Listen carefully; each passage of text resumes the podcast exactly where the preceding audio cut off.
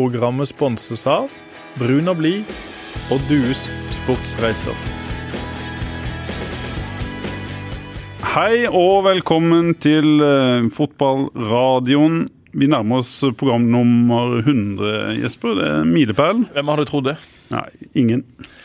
Det er mye snø i eh, byen. Det har vært snøkaos de siste dagene. og Derfor har man måttet ut og skuffe. Jeg har tatt på meg mine nye vintersko som jeg kjøpte på salg i eh, New York i desember. Jeg har gått rundt i joggesko i flere år, men det anbefales å få seg et skikkelig par med vintersko. Da blir det enklere å traske rundt uten at du skal bli så bløt på sokkene og da etter hvert bli forkjøla. Vi skal snakke om eh, Start i dag. Derfor har vi invitert inn eh, to karer som eh, kanskje noen kjenner til, kanskje noen ikke kjenner til dem. Men vi skal bli kjent med dem i løpet av sendinga. Det er to som er veldig gode med mat.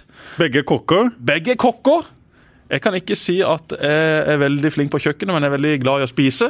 Så dette her blir et hyggelig bekjentskap. Han ene han eh, jobber til daglig som greenkeeper ute i Randesund golfklubb. Kenneth Maier, velkommen. Ja, vel. Takk. Hyggelig. Det er hyggelig. Hyggelig, Ja. Jeg er nok mest glad i å ete for tida. Du er det? Det er ikke så mye, det er ikke så mye matlaging, nei. Nei, nei, nei, men du er, du er, du er utdanna kokk, så du vet hvordan du skal lage mat. Jeg får det nå til, ja. Ja. Jeg gjør det. det. Nå går det i gressklipping og eding, ja. Ja. Og du sier sjøl at du eh, snakker best når du drikker, derfor har du fått en uh, liten kaffekopp. En bitte liten glovarm en. Så dette skal Hva har du oppi kaffekoppen, Kenneth? Jeg har uh, kaffe i kaffekoppen. Ja. Nå er jeg på jobb.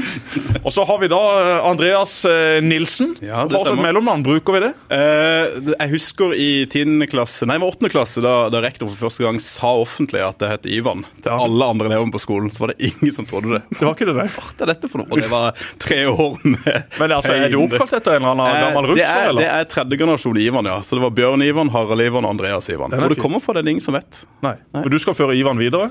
Ja, jeg vil jo anta det. Ja. ja.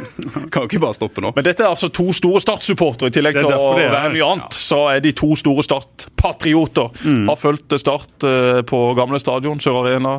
De har fulgt de i eh, ja, stort sett tynt, men også litt tykt innimellom. Et par små år. Veldig lite eh, tynt. Nei, veldig lite tykt, som Jesper Lite tykt, altså. Ja, men Skal vi begynne med det? Høy høydepunktene liksom fra deres uh, uh, karriere som eh, supporter av idrettsklubben. Hva, hva er det, Mayer?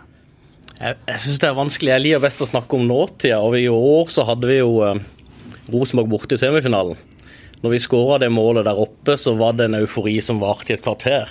Og vi var ikke, vi var ikke en folkemengde, den gjengen som sto der. Det var bare en sånn ball som bare bevegte seg rundt. Sånn slim som barna leker med. Det var helt, eh, det var helt episk. Og det var verdt, eh, det var verdt en Ja, For da var du på Lerkendal? Da var vi på Lerkendal, og det var helt, det var helt magisk. Det, For da hadde dere egentlig, Kan det ha noe med at dere var jo egentlig ganske sinna da når, når kampen starta? Hva var grunnen til det? Eh, det var et eller annet eh, på det ble jo dårlig stemning eh, på puben når lagoppstillinga kom. Ja, det var det, ja. I ettertid så ser jeg at kanskje vi var litt vel strenge. At det var først og fremst han, han lille knatten med rastafjell. Mensa. Ja. At det var kanskje han som provoserte mest, for han faller igjennom så det ljomer etter. Ja. Resten var vel egentlig greit, tenker jeg. Men det var et B-lag i, i utgangspunktet Start sendt ut på på mm. men så gjorde de det ganske bra. Men det er ditt uh, høydepunkt. Men det sier litt, altså. 15 minutter fikk Maier i 2018, og det går du fortsatt rundt og tenker på når du skuffer golfbanen i januar. Det er et eh, soleklart høydepunkt. Jeg mener det er det gøyeste jeg har hatt på en fotballstadion. Og det sier kanskje mer om Start enn om noe annet. For det, det er jo nitrist å tenke Det på. var topp stemning. Det var helt, det var helt episk. Det var Det det. var det, altså. Men må du lenger tilbake i tid, Andreas? Ja, altså, eller? det er jo noen sånne Det er jo sånne skjellsettende opplevelser i løpet av oppveksten. Da. Jeg husker at eh, i 1999 så lå jeg på et sånn stuegulv hjemme hos en kamerat, og vi visste egentlig ikke hvor vi skulle gjøre av oss, så vi løp ut på verandaen. vi skjønte ikke helt hva som skjedde. Det var da Start slo Ja, Størskgods i Terje Drammen. Leonardsen skårte et mål som var ganske altså klassisk klabb og babb-mål. Eh, og den, den følelsen der, den, den, den fulgte meg mange mange år etterpå. Ja, du så kampen selvfølgelig da på TV Sør, der Jeg så- jeg jobba ja, i min eh, spede barndom. Vi var jo vi var litt for unge. Nei, 99 jeg husker jeg selv så den kampen, og vi løp liksom ut i gata med startflagg. For dette hadde vi jo da sett på Du var, diverse du var 11? 10? Nei, ja, 12? jeg er født i 87, det ble vel 12 da. Ja. Ja. Eh, og jeg løp ut i gata liksom trodde at gata skulle være full, det var ingen andre der. Og dere var ungdommer da i Ja, jeg var jo jeg er født i 86, så jeg, vi sto og jubla med de som sto på andre verandaen på andre sida av gata. Så vi var jo fire da, i nabolaget. Det var helt vilt. Det var helt vilt. Men eh, nå da, dere eh, har vært en del, eller er en del av en eh, gruppe som kaller seg Gylden løves. Det stemmer det, eller? Ja, Nå skal ikke vi avsløre for mye rundt uh, medlemstall og sånn. Litt som klubben, da. Vi holder det tett til brystet. Ja, Det er en sånn løs sammensatt kameratgjeng, egentlig. Vi har prøvd prøvd å få forklart dette her til noen andre noen ganger. Eh, vi sier jo ikke så Det er jo ikke, det er jo ikke, det er jo ikke Nord-Korea, sånn sett. Men, men vi har jo annet gitt ut noen sånne ja, litt sånn publikasjon innimellom. Fanzine? Ja, en fanzine som vi har eh, egentlig vært ganske stolt av en periode. Evig lojal navnet på den. Ja, eh, Fanzine, for de som ikke vet det, er et lite Ja, blad. det er jo et lite sånn blad, og Kenneth har jo en primus motor-redaktør som, som er utrolig god på, på, eh, på redigeringsprogrammer. På, på Nymac, spesielt Nymac. Meget god. Og vi, har vi to er mye, kanskje eller? begge blitt intervjua der òg, vil jeg det, Jesper? Ja, jeg intervjua der flere ganger. Ja. Pleier alltid å lese det. Vi fikk det inn i garderoben da jeg spilte. Eh, og eh, jeg tror iallfall de som kunne lese norsk, tok det med seg. Vi hadde jo faktisk et salgstall i en hjemmekamp der på rundt 250 eksemplarer. Det Det er jo relativt greit. Det var, det. Var det pengene for gikk til øl, eller? pengene Den gangen vi solgte mest, så gikk de rett på oddsen, og så tapte vi. Og så var det til å lage, så hadde vi et overskudd som var jevnt og trutt, og så gikk det til å trykke nytt. da. Ja. Det var jo egentlig morsomt. Det var veldig gøy den tida når det storma litt rundt start. da. Jeg husker jo var det Magne Kristiansen som kalte oss såkalte supportere. ja. Bare pga. Bare på grunn av, på grunn vi slakta han. da. Men dere, ja, for dere er jo mer Det er jo, finnes jo mange typer supportere, dere har vært inne på her òg. Dere er vel, om dere er enig i det, litt mer kritiske røsten til Start blant eh, supporterne? Er det riktig beskrivelse? Jeg, jeg tror vi har vært flinke til å ta opp temaer som kan være litt vanskelige i plenum, og så, og så snakke litt om det. Og kanskje av og til gjøre det med å kaste inn en brannfakkel, og så, så ta det litt fyr. Eller en makrell. Eller en makrell. Det er et veldig konkret, fint eksempel. Det var ikke jeg med på, men det var noen andre som gjorde Det Det var i 2011, det, var det ikke Det det? vel vært noe sånt. Etter Tromsø hjemme. Ja. Ja. Da hadde vi først på natta Jeg kan si det nå, for jeg har gjort opp med Kai, vi er venner igjen. Vi hadde fylt opp en varebil med ei kasse med makrell som hadde vært nede og handla. Så firte vi opp all makrellen i flaggstanga rundt stadion. Det har aldri kommet ut, og det irriterer meg litt. At ikke Start gjorde et nummer ut av det. For da, der hang det på natta makrell og, og flagga i det, ja. flaggstengene. Eh, Så når da kampen nærma seg slutt, så tok vi med noen poser ned, og så heiv vi de foran spillerinnganger, da. Med litt sånne beskjeder på, liksom. Bare for, bare for å vise at ikke det er Hyggelig, Ja, måte å da bra på. Da hadde Start over en lengre periode spilt kjedelig fotball. De var et Obos-lag. Stemmer det, eller? Det, det høres riktig ut. Vi må ha vært misfornøyd med noe. i hvert fall. Ja. Rykker vel da kanskje ned? Eller, var- altså, Tapte jo masse for Tromsø hjemme. Det, den gangen Moss skåra fire mål og snøyt Ole Martin Ost for toppskårertittelen i Eliteserien. Så dette Rykka ned i 2011. var jo i Tippeligaen eller Eliteserien eller, eller hva det måtte vært. Men det var vel det Espen Knutsen spilte ved den kampen. Ja. Ikke veldig mye gode minner fra det. Altså Det var et litt sånn redusert startlag, og det ble stygt. Men apropos ma- makrell, det ble funnet en makrell oppå på Color Line stadion før eh, Start skulle møte Ålesund der oppe. Dere hadde ingenting med den å, gjøre den gangen. Oi, det var ny for Ja, meg. det- ikke så- Har vi noen? eh, Har vi noen? Den, den eh, teorien der var jo at det var en måke som hadde, hadde lagt den, men eh, det ble aldri Har vi noen følgere som ikke vi vet om? Eh, Det er litt gøy. Det er godt mulig. Jeg ser det for meg. Start i eh, 2019, da. Hvor, eh, hvor står Start i, eh, i deres bilde nå? Jeg kan, tror ikke jeg kan bli mer uengasjert i Start enn jeg er akkurat nå. Nei. Eh, jeg sliter, jeg, altså. Jeg gjør det. Etter uh, overtagelsen i 17. Eh, mye dritt med logo, krangling. Mye dårlig spillerkjøp, tullete, slippe Lars Jørgen. Sluppet mye ungt de siste fire-fem årene som har vært sånn nei, hva- skal vi være, da? Vi er ikke å starte, Vi skal ikke være sånn der hente en fyr fra Estland til ti millioner. Det, det, det kler ikke oss i det hele tatt, spør du meg. Nå kan jo jeg ta feil, jeg gjør det ofte, men Ja, det, jeg syns jo det er veldig interessant. Eh, Det er jo ikke Jeg vil jo ikke si det er udelt positivt at vi har klart å slippe noen spillere som jeg er helt sikker på at eh, på sikt kunne ha gagna Start. Eh, Ja, det er vanskelig å bli Og som Kenneth sa, det er vanskelig å ha kommet lenger ned enn det vi gjorde i fjor. Du snakka litt om 2011, rykker vi ned eller ikke? Det, det sier jo litt om hvor, hva vi har Når vi ikke helt kanskje alltid husker kollektivt om Ja, det blir litt sånn, ikke sant? Og så var 2019 tenkte jeg OK, i, nå, i år blir det et hvileskjær, kanskje. Kanskje vi kan eh, klare å komme tilbake på en sånn Monsiva Mjelde-plassering. Kanskje vi kan etablere oss på, på midten. Det var egentlig min forventning for fjorårssesongen. Men akkurat det er jo det farligste, at folk skal bli jeg håper å si, at ikke de skal bry seg. At, Iallfall sånne som disse. Ja, altså dere som har vært uh, Start-supportere på deres hals egentlig fra dere ble født, mm. og, og, på mange måter fortsatt er det, men når da Start liksom ikke betyr det samme, det er jo det som er livsfarlig for en klubb, uavhengig av hva slags ja. klubb det faktisk er. Men jeg sa han, Kent, at det kommer tilbake når Start liksom skal spille mot Ålesund 30.3, så, så er det noe som skjer med kroppen din, kanskje uten at du du jeg håper, vil? Jeg håper det, men jeg vet ikke. Vi, på vei hjem fra Haugesund når vi hadde røkka ned, så sa jeg og prata med en kamerat om det i bilen. Så var det neste år, da. OK, Shade borte er jo gøy, ikke sant? Og da så ser han på meg og så sier han, nå, nå får du ta deg sammen, for det her er ikke greit. Vi må, kan ikke vi inngå en pakt nå at nå slutter vi å ta bilen og kjøre ti timer for å se Start spille mot KFUM eller Skeid? Hvis det er du du ringer nå, så skal jeg bare si nei til det. Men det snakka vi om forrige uke, da, så det blir nok KFUM om eh, to og en halv måned. Det gjør jo det. Men du har vært eh, ganske kritisk, ikke bare i kameratgjengen, men også litt uh, utad. Blant annet uh, denne logodebatten som var en uh, ganske stor greie vel for et uh, år siden. Uh, Cirka der du eh, angra på at du hadde vært stille på dette årsmøtet da det ble vedtatt, men der det ble en, en, eh, en diskusjon i, i, etterkant. Hvordan ser du den prosessen nå eh, et år etterpå? Fortsatt fryktelig provosert over måten det ble gjort på. Jeg synes det at Når Borger Haugland sto opp på den første og sa det at logoen skal vi gå med på, men de sokkene, det kan de bare glemme. Og så går det da to uker, og så brenner de gjennom begge deler. Mm. Da er det et eller annet som skjer som ikke er riktig. Det er noen som er redd for noen posisjoner, eller at noen som bare truer med at da vil vi ikke hjelpe deg. Eh, det var råddent. Det var råddent i salen når det ble stemt gjennom. Folk sa det lo av folk som var imot det. Mm. Nei, den er, den er bitter, skal, det innrømmer jeg. Det tar jeg opp hver gang jeg treffer Langeland, så sier jeg det til han, og at det, det er ikke greit. Men er det eierne en må være kritisk til, eller er det medlemmene av idrettsklubben eh, Start som på en måte ikke har gjort den jobben kanskje du mener de burde gjort? Eh, det er ingen andre enn eierne sin feil. Det er de som kommer med forslag om å bytte logo.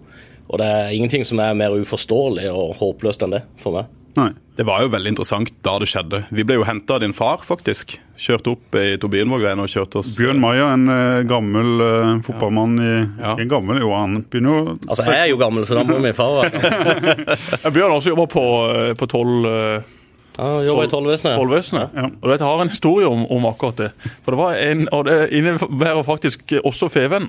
Eh, jeg har jo alltid vært spilleglad, eh, og til tider litt mer enn det. Eh, og da for sånn 10-12 år siden så var det relativt heftig. Da var det jo mye innskudd og uttak på kontoene mine fra diverse bookmakere. Og så hadde det ringt meg et nummer. Og så søkte jeg det opp på gule sider eller 1881, eller hvor det var, og så så jeg det var Tollvesenet. Det var helsike! Er det nå de skal? Er det nå de skal liksom? Dette er jo bare innskudd og uttak fra bookmakere og spilt på odds, så det, det er jo håper jeg, fullt lovlig. Og jeg vet du sendte mail da til, til Mr. Bjørn Maier og spurte du eh, ser dere har ringt meg, liksom, hva, hva, hva skjer? liksom? Skal jeg komme ned for en prat, eller skal jeg skrive ut noe og vise dere? Jeg har alt her hjemme, liksom. Nei, jeg kunne ikke se at, eh, ikke se at eh, det var sendt noe mail eller prøvde å kontakte meg. liksom. Nei, vel, tenkte jeg. Så ringte nummeret en uke etter. Jeg får inn og sjekke det en gang til, da. Og så skrev jeg jo inn det nummeret, og så var det Feven. Det var Feven som hadde ringt eh, også uka før, men hadde tasta ett siffer feil inne på gule sida. Derfor måtte jeg ringe ned til Bjørn og kontakte han og høre du, hva er det som skjer her nå. Men det var bare Feven som skulle selge meg et avisabonnement, så det var helt harmløst. Det var harmløst. Ja, det var... Andreas, du sa det var interessant, den uh, debatten. Ja, vi satt jo bilen på vei ned, og så, og så kom, kom temaet opp hva er dette her for noe, og så sier jeg, og dette er jo helt egentlig ut av det blå, men sier jeg tror, jeg tror, eh, jeg tror det er noe med logo. Nei, det er ikke noe med logo. Det kan det ikke være. Jo, jeg tror det er noe med logo. Vi hadde, vi hadde, en følelse da Start hadde kickoff året før, med dette sorte på drakta foran. Så for meg er en sånn, det er en sånn statement. Det er vekk fra noe av det gamle og inn med noe av det nye. Og Når det kommer noe ekstraordinært, så tenkte jeg at OK, her er det noe rebranding på gang. Da er det noen som skal gjøre noe nytt. Det er alltid det. Når noe har gått galt, så skal man gjøre noe nytt. Mm. Man vil fremstå i et bedre lys, og det vil man lage selv. Det lyset, det rampelyset det vil man liksom sjøl brenne på en måte og få, få frem. Og så var det det. Så satt vi der, og så ble vi egentlig helt satt ut. Jeg tror ikke helt vi skjønte hva som skjedde. Rett og slett. Men hadde det vært lettere å spise eller svelge, eller hva du skal kalle det, hvis Start nå hadde vært en klubb som kom på øvre halvdel i Eliteserien, og en ikke hadde fortsatt i den negative tralten, da, Ja, altså- til tross for nye eiere. Ja, jeg sto jo på Skiphol i går, så ringte jeg Kenneth bare sånn for vi skulle prate litt sånn. Ja, vært ute og reist. Det er jo et travelt liv vi lever. og, så, og så sa jeg sånn Ja, OK, hadde Start eh, Ja, OK, dette blir jo en del Det er jo allerede en del av SAS-historie. Om 20-30 år til så kan det hende at vi kan le av det og synes det er gøy. Det er litt rart nå. Men, men eh, jeg er jo helt sikker på at dette her, dette er noe som kommer til å forsvinne. Og Så går det så og så lang tid. Det er bare å se I internasjonal fotball og i norsk fotball så vil man tilbake igjen til røttene på et eller annet tidspunkt. Så du tror eh, logoen kommer tilbake? Jeg er helt overbevist om det. Ja. Mm. tar vi, hører vi på dette om 20 år til, så, så har det ikke skjedd. Så Skal jeg heller spise den kamelen der? Hva tror du, Jesper? Du var jo òg eh, kritisk. Ja, absolutt. Jeg var på eh, samme side som eh, Kenneth Andreas eh, i dette her logohysteriet. Samtidig så er jeg en eh, god kamerat av Kristoffer og støtter jo sånn sett de, med tanke på at de gikk inn med penger og på mange måter redda klubben. Så jeg var jo liksom litt sånn på begge sider, men eh, jeg ga klar og tydelig beskjed til Kristoffer hva jeg syns om den da jeg fikk vite det. Jeg fikk også vite det ganske seint i prosessen, og den logoen betyr mye for eh, meg og pappa og farfar og ja, altså hele min eh, korte livshistorie har jo på mange måter dreid seg om den logoen og den klubben. Så det er klart at eh, jeg også savner den logoen. Jeg syns den logoen er fantastisk flott. Eh, Logoen er på kista til pappa. Altså, det var mange sånne ting som jeg var følelsesmessig involvert i.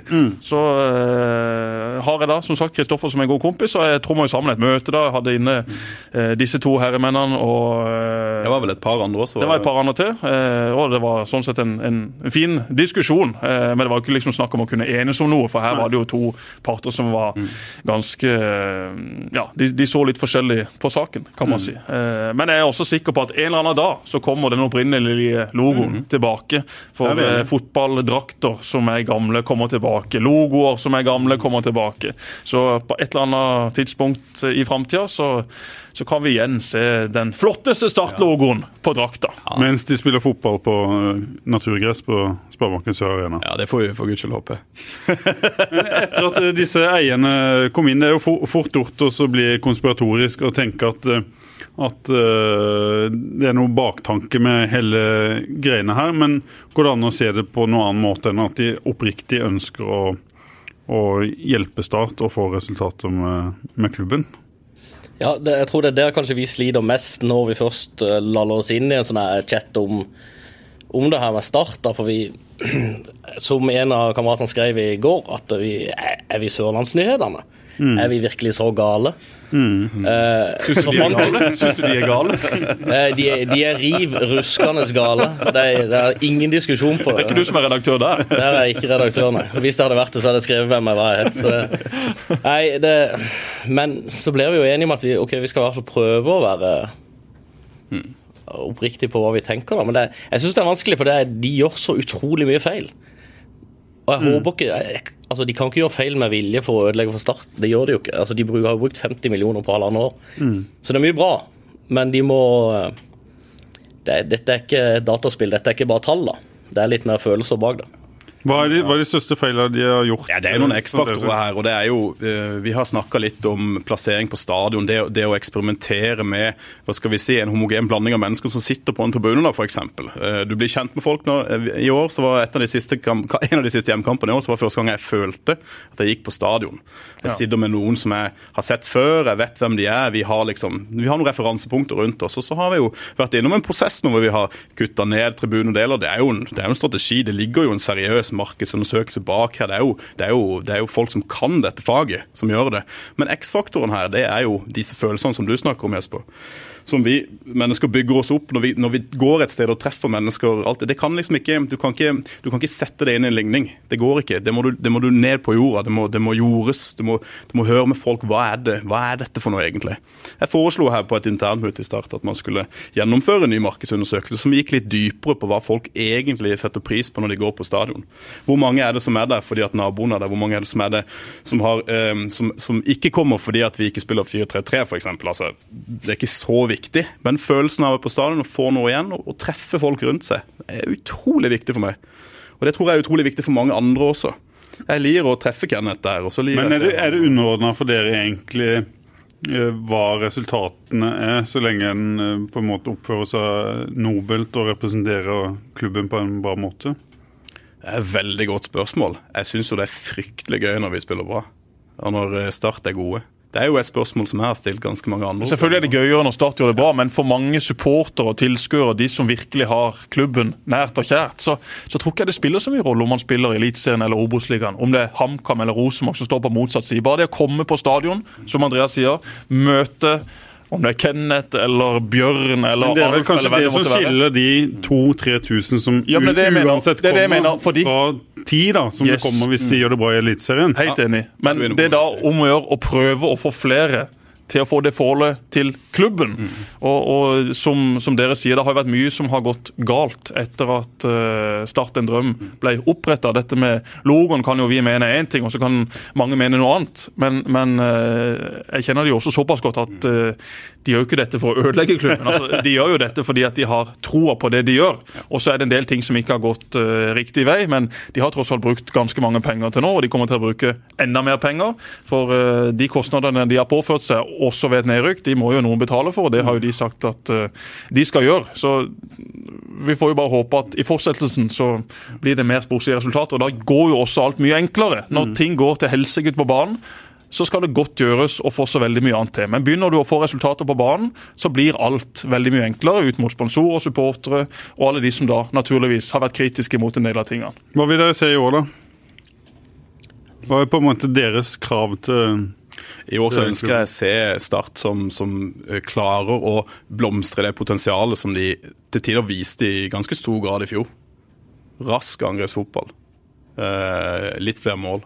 Mindre innslupne mål. Ikke verre enn det.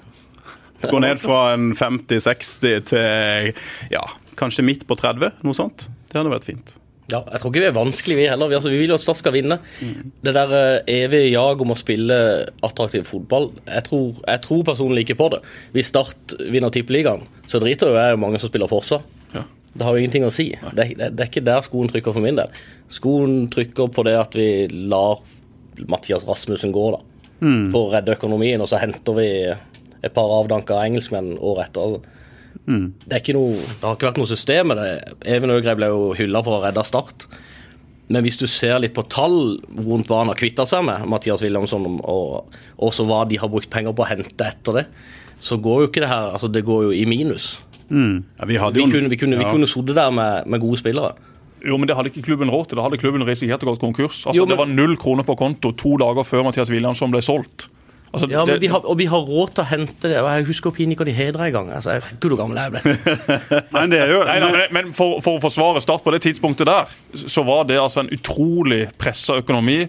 Det har det vært hele tida. Men problemet Williamson er jo fikk at, de 3,5 millioner for, og Rosenborg visste ikke at Start ikke hadde penger.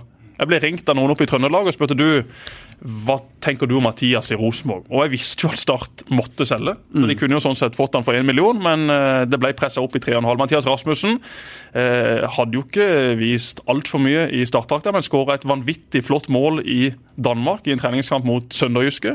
Eh, vi streamer han jo på Facebook eh, med Roy Emanuelsen kommenterte, så vi tar en del av æren for at Start faktisk fikk så en god del millioner. Så millioner for fem også. millioner. Det er jo mer med fem millioner enn 500 000 for Rio Coker, eller hvor mye de betalte. Men jeg følger jo, følger jo eh, Meg.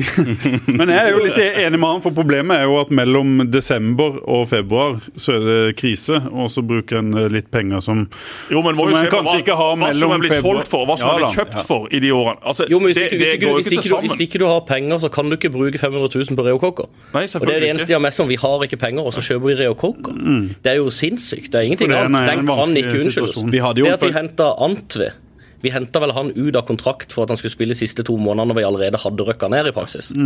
Da hadde vi heller ikke penger.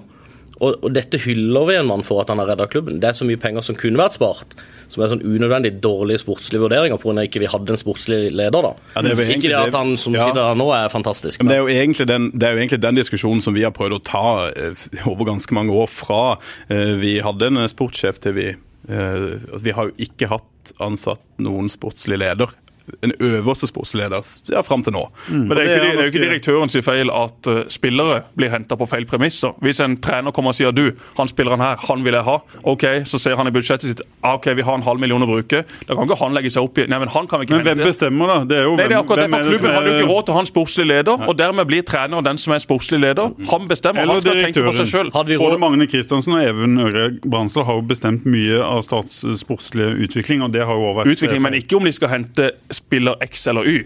Nei. Der har treneren De har jo bestemt. sittet på pengesekken og sagt Selvfølgelig, ja, ja, men De kan jo komme med en sum, men Even Øgrei Bransdal med all respekt, han vet jo null og niks om en fotballspiller er god eller ikke. Og Det har han heldigvis heller ikke lagt seg opp i. Vi brukte et uttrykk som, som jeg liker veldig godt, og det er å spare seg til fant. Og den, den sportsdirektør, la oss kalle det den rollen, hvor mye penger som er i det i lønnskostnader, det, det skal ikke jeg legge meg opp i, for det har jeg ikke tall på. Men, eh, men de pengene, eh, å kunne bruke de fornuftig på en mann som har eh, det synet som, som ikke jeg har eh, Jeg kunne ikke vært sportsdirektør. Jeg har ikke, har ikke den ballasten eller det kontaktnettverket. Men å legge hele den rollen over på en trener som ser noe akkurat nå, dette trenger nå, det, det, det tror jeg kan være vanskelig. altså. Jeg tror man må gå på noen blemmer. Vi så jo før 2016, da vi rykka ned, at her er det, her er det tønt. Har vi Men nå har de jo hatt penger og fått penger, og hatt en, en sportslig leder i ja, halvannet år i hvert fall. Hva, hva syns dere om, om det? da? Svaret er jo gitt at, at de har jo bomma på, på mye, men er det noen ting dere syns det er fremgang på? Etter at dere fikk det litt Ja, som dere ville? snu spørsmålet. Hva, hva traff vi på? Jeg synes vi traff på, på Elliot. Jeg syns han var god på venstrebekk. Han var god. Charla? Charla var god. Men han klarer ikke å løfte et lag alene. Altså, det er ikke så Må jo ha noen rundt seg. Vi mangler en målskårer fremdeles. ikke sant? Det er greit at vi, vi, vi fikk jo eh, eh, vi fikk jo plutselig en, en spiss som begynte å skåre, sånn helt ut av det blå. Altså, Det var ingen som forventa at eh, det skulle komme fem mål på fem kamper. på det, det var jo helt utrolig. Bringaker, tenker du på? Mathias Bringaker, det var han jeg tenkte på, selvfølgelig. Eh, men hvem andre var det som slo til sånn virkelig, som, som sementerte liksom, navnet sitt i startgarderoben den sesongen? Det er, jeg vet ikke om jeg skal ha mange andre å trekke frem. Har du noen, Kenneth? Nei.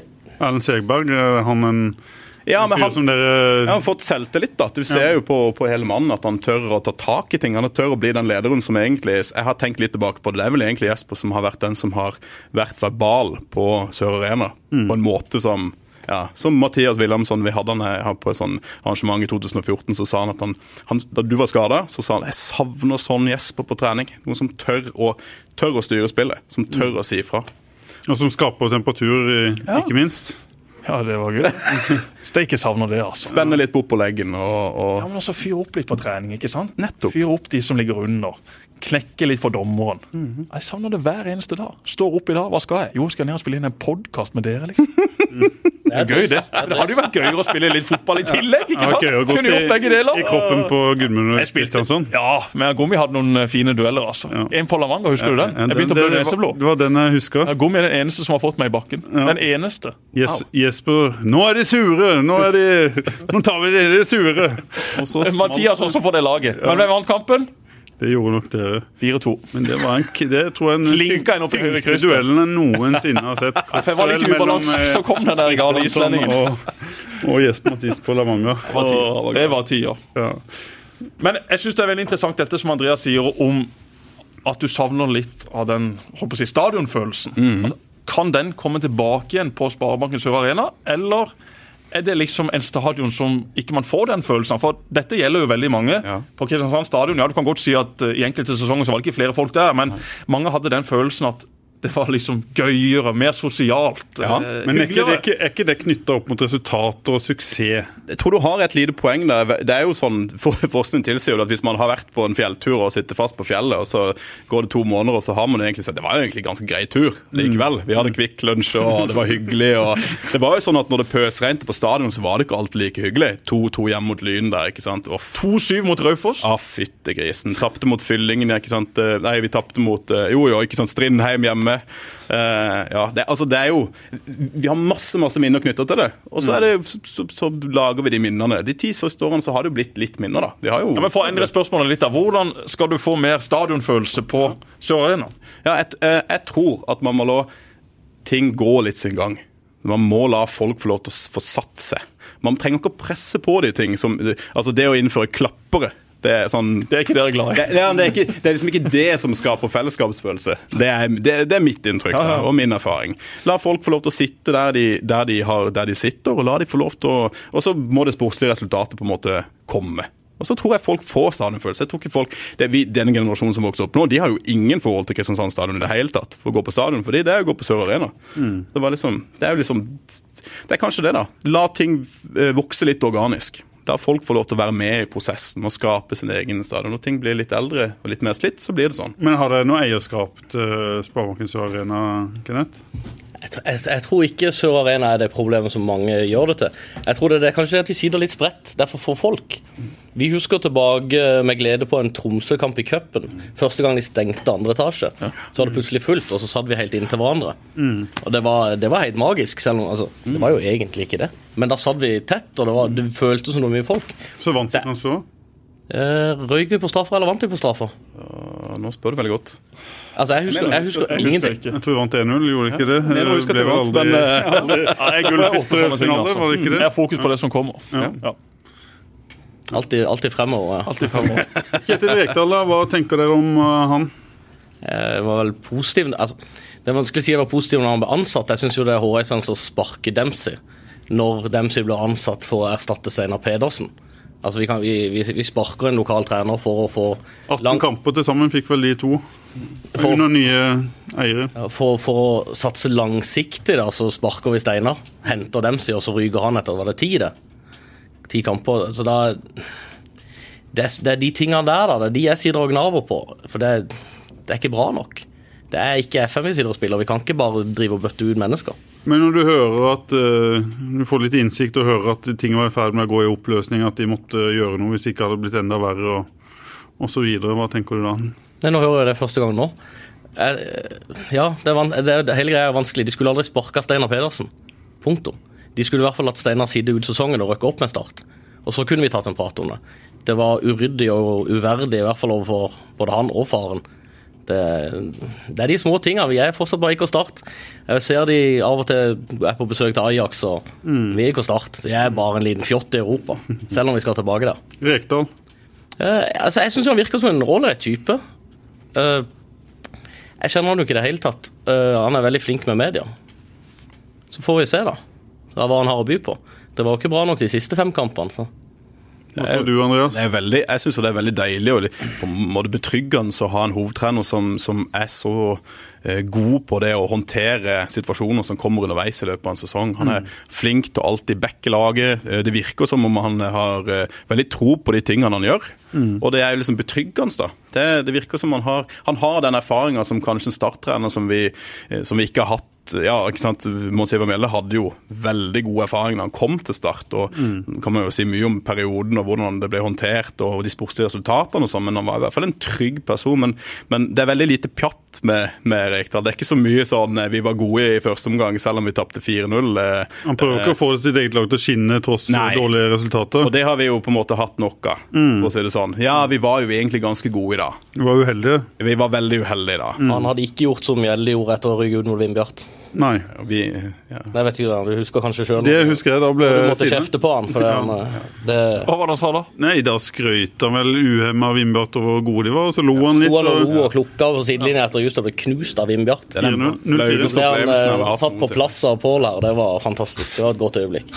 Ja, det var, det var et vondt øyeblikk for, for meg. Ja. Et flaut øyeblikk i statshistorie. 0-4 mot uh, Vindbjart, kanskje det flaueste noensinne. Du var ikke med. Nei, Pål. Helt seriøst. Det- Men du var i klubb- du var spiller i klubben. Dette er seriøst. Jeg har aldri i mitt liv tapt for Vindbjart. Nei. Aldri. Nei, Det husker jeg du sa før en, en eh, treningskamp. Denne kampen er faktisk viktig for oss. For hvis vi taper mot Vindbjart, så gjør det noe med, med folks eh, syn på oss. Og jeg var vel i klubben, men jeg var skada eller syk, eller om Eller hadde akkurat lagt skoene på hylla. Jeg vet ikke. Men jeg var faktisk utrolig usikker på Start i den kampen. Jeg så det tapet komme. Derfor så han hjemme på PC-en. Jeg elsker Vennesla og folk fra Vennesla, men jeg orka ikke kjøre opp dit for å se Start muligens bli pissa på. Og det var akkurat det de ble, så jeg var utrolig glad for at jeg bare kunne klappe igjen laptopen da målene begynte å renne inn. Daniel Aase, Thomas Sernikov, for, noen- for en kamp. De to guttene der var jo Det var et eventyr av en kamp for Vindbjarts del. Og den kommer de til å snakke om i alle fall 100 år til. Ja. Helt klart. I år så, så blir det jo eh, litt sånn lokal eh, konkurranse igjen med, med Jerv og, og Start i oppgjør. Er det noe som setter ekstra spiss på det for dere, eller er det blitt i, i den alderen at det ikke er så viktig Det er, veldig, altså, det er veldig godt spørsmål. Det ble jo fyrt ganske mye opp, eh, blant annet av i Ja, det, det, det skal jeg gjerne innrømme at det, det angrer vi vel litt på når vi så hvordan det Ja. endte. Da var jo Arendal der òg. Vi trodde vel kanskje at i hvert fall Jerv og, og Start skulle være topplag, og så feis det ut etter eh, fire runder. Jerv gikk vel på Spilte i fire uavgjorte på rad der i, i starten og var plutselig tolv poeng bak Start. Ja. Og Start viste jo at uh, de var best, for å si det sånn. Eh, og det er litt sånn, Jeg har litt sånn delte følelser med det. Grimstad er en veldig fin by. Jeg har liksom ikke mye gode venner der. Så er det mye og- kristiansandere, tidligere Helt Start-spillere. klart, og veldig mange som, som, av de som jeg vet som ikke er fra Kristiansand, som reiser og ser kamp på stadion, de kommer fra Lillesand og Grimstad. Den, den, den veien bort. Arendal eh, vi kan akkurat si jeg har sånn utrolig godt forhold til Arendal. Skal vi ikke spille mot Arendal til neste år, da, heldigvis, men eh, det er jo litt sånn kapittel for seg sjøl. Nå, nå har ikke jeg Jeg så vel kun Deilig møte Arendal. Det er alltid seks gratis poeng. Det er. Det er jo et veldig godt poeng. Ja, men det var jo ja, ja, ja. det. Ja, ja, Og så hadde det jo vært interessant å trekke de i cupen i år, kanskje med Steinar som, som, som trener. Men Jerv, eh, det vekker ikke noen sånn uh, sterke vi- følelser? Vi prøver vel å få det til å vekke mer enn det egentlig gjør. Ja. Uh, med Arendal så gjorde det det. Da var det god kok. altså både før, eh, under og etter kamp så var det en god fyr i teltet. Mm. det var jo på Utenfor puben så var det jo noen av de her ungguttene som var til med sånne bengalske lys. I Arendal, eller? I, i Arendal, ja. I Arendal, ja. Jeg husker hva puben het. Han var lå ute på med det der vannbeden de har. Eh, og da viste det seg at det var en konfirmasjon og en barnedåp i bygget ved siden av. Så det ble jo eh, det ble noen politianmeldelser og litt pga. grunn av noen fyrte opp noen lys. da. da ja, det ble bra fyr i teltet Arendal. altså Det er ikke mye bra å si om det hølet der. Men det var en eh, god opplevelse. også. Dere var der i regnværet da, da Start eh, eh, vel omtrent sikra opprykket i 2016. Det var Det var jæklig moro. Det er en topp eh, ti det på start, bort mot Arendal. ja. Og så å si, 2017 var det, ikke 2016. så å si sikra opprykket der. Det var, det var helt nydelig. Men Jerv i, i playoff-kampene, da, var det- da var det mer følelser. For da hadde man alt å tape mot en lillebror fra Grimstad. Jeg er helt enig i at Jerv er hyggelige mennesker. En helt grei by, med litt mindre sol enn i Kristiansand, selvfølgelig. Men, men da det var playoff-kamper, først i Grimstad og så i Kristiansand, da følte iallfall jeg det så mye på kroppen at jeg holdt på å stryke med. altså. Det var, det var, da, var det, da, var det, da var det ekte, Ja, mm. for å si det sånn. Men det virker som eh, de kanskje har fått en sånn liten boost, i hvert fall eh, sett utenfra, ved at Start rykka ned, og at de eh, jo beholdt plassen, og så har de henta litt, litt spillere. Hva, hva tror du om Jerv i, i år, Jesper? Jerv i fjor var jo dødt, og det så ut som et litt sånn ferdig prosjekt. Eh, tenkte gidder Arne være med videre på dette? Eh, skal han reise tilbake til Skien og begynne å jobbe i Odd igjen? Men helt enig, nå har de fått litt uh, fornya gnist. Sånn det er hos alle Er i ja, men, vinteren. Jo, det er, alle ser jo fram mot sesongen. Alle har jo hatt en fantastisk vinter. Alle har jo Mm. bedre testresultater enn noensinne. Sånn er det jo i alle norske klubber. De legger om formasjonen. 3-5-2 skal de spille. Ja, ikke sant? Har fått Simon Larsen. Får vi nå se hvordan det blir etter et tap eller to. Om de da Mm. endrer tilbake. Ja, de har fått tak i gode spillere fra Kristiansand. Og de tre som spiller bak deg, er jo tre kristiansandere. da. De tre de skal spille med, som stopper med Simon Larsen, med Espen Knutsen og, og Peter Reinhardsen. Ja. Så eh, jeg har mye mer tro på Jerv i eh, denne sesongen enn det jeg hadde i Må ha fjor. målskårer, de òg. Ja da, det må de ha. Men eh, det er samtidig Obos-ligaen de spiller i, så det er mange på det laget der som kan skåre opp mot tosifra antall mål. Det er det. Hvem skal skåre målet for Start, da? Normally, being a little extra can be a bit much, but when it comes to healthcare, it pays to be extra. And United Healthcare makes it easy with Health Protector Guard fixed indemnity insurance plans. Underwritten by Golden Rule Insurance Company, they supplement your primary plan, helping you manage out of pocket costs without the usual requirements and restrictions like deductibles and enrollment periods. So when it comes to covering your medical bills, you can feel good about being a little extra. Visit uh1.com to find the Health Protector Guard plan for you. Jeg vet ikke, jeg håper Segberg skårer samtlige. Skal jeg? Nei, jeg vet ikke. Leke om han er en Obo-spiller. Han kommer jo til å bli stående så mye i boksen og prøve å heade inn. Jeg vet ikke om det er hans styrke. Bringer kanskje. Populært kalt Bringsvær. Bringsvær? Ja. Var du på leirskole på Ja, Bringsvær? visst er jeg på, selvfølgelig var jeg Det var første kampen, så var han plutselig Bringsvær. Det var hyggelig. Men er det han som, eh, som er mannen som skal, skal stange de opp? Godt, godt spørsmål, altså. Adleke er jo god for en 10-15 mål, han. Eh, tror jeg. Han har jo eh, 20. Ja, Han det- kunne skåre 20 hvis han spiller alle kampene. Men det er ikke noe problem med han er inne på her. at eh, Han, han viste jo ingen styrke når han fikk innlegg fra, fra Sino, at eh, det fort blir, eh, blir eh, målet for Start i første divisjon å komme til mye, mye innlegg. Men så har han vel vist han viste vel i ventspils, de videoene vi har sett der, at eh, han skåra både på corner og mye innlegg fra, fra sida. Ja, så Jeg har sett alle kampene han spilte i Ventspils eh, på video, eh, men eh, Nei, jeg har ikke det. Jeg har ikke, det. Jeg har ikke sett han så mye i Ventspils, men jeg så han i Start sine kamper i fjor. Og ja, han er ikke den beste i boksen, men det kan selvfølgelig utvikles. Og så syns jeg han skåra altså, en del mål på litt forskjellig vis. Og Det er jo ikke sånn at KFUM kommer til å ligge i forsvar hvis Start allerede har De skåra er i det hvert fall ikke målet. norgesmestere. Det må vi Nei, bare- det sier Karsten. Eh, Det er jo ikke sånn at Når Start for eksempel har tatt ledelsen på et eller annet vis, så må jo motstanderen lage fram. og Da vil det åpne seg rom, og da kan Adeleke springe fra hvem som helst i, eh, i Obos-ligaen. Så han kommer til å skåre bra med mål. Bringaker er jo ikke den største, men viste jo i fjor at han hadde Han må vel spille, trøkk i boksen. spille altså. spiss, og hvis de bare skal spille med én spiss osv. Selvfølgelig. Men spennende å se. kan også spille på kanten og være en håper jeg, spiss nummer to når innleggene kommer fra venstre eller høyre. Så jeg vil tro at eh, Rekdal er rimelig happy med de han har på topp, men at han gjerne kunne tenke seg en med litt andre kvaliteter. Derfor ble jo Salvesen prøvd henta eh, tilbake. Derfor har Start helt sikkert prøvd seg på andre spillere med, med de kvalitetene. Var jo snust litt på Williamson.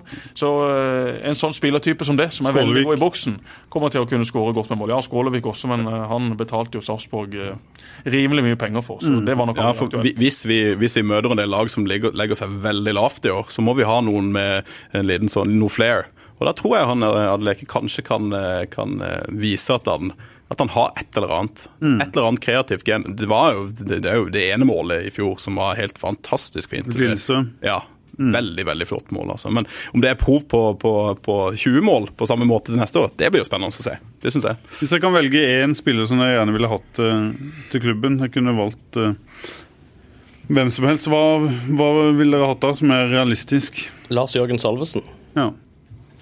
Det Ja. Men er det en sånn gjengs oppfatning blant statssupportere, eller er det sånn han- ganske delt om at noen har troa på han og, og noen ikke? Han er ikke verdens beste fotballspiller, men jeg tror han hadde gjort skåra mye mål for Start i Obos. Og han hadde vært helt riktig av den her Start en drøm å hente.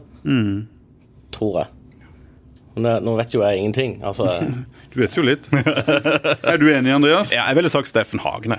Ja. Det er en spiller som jeg mener hadde passa godt inn i Start. Eh, Kanskje for eh, fire år siden helst, når, vi, når det begynte å Det var noen som ikke spilte lenger bak der. Men en type som ikke å Som ikke er redd for å dra folk i ørene og si fra, og spiller eh, jevnt og trutt uten skade hele tida. En sånn spiller tror jeg Start hadde hatt veldig godt av bak.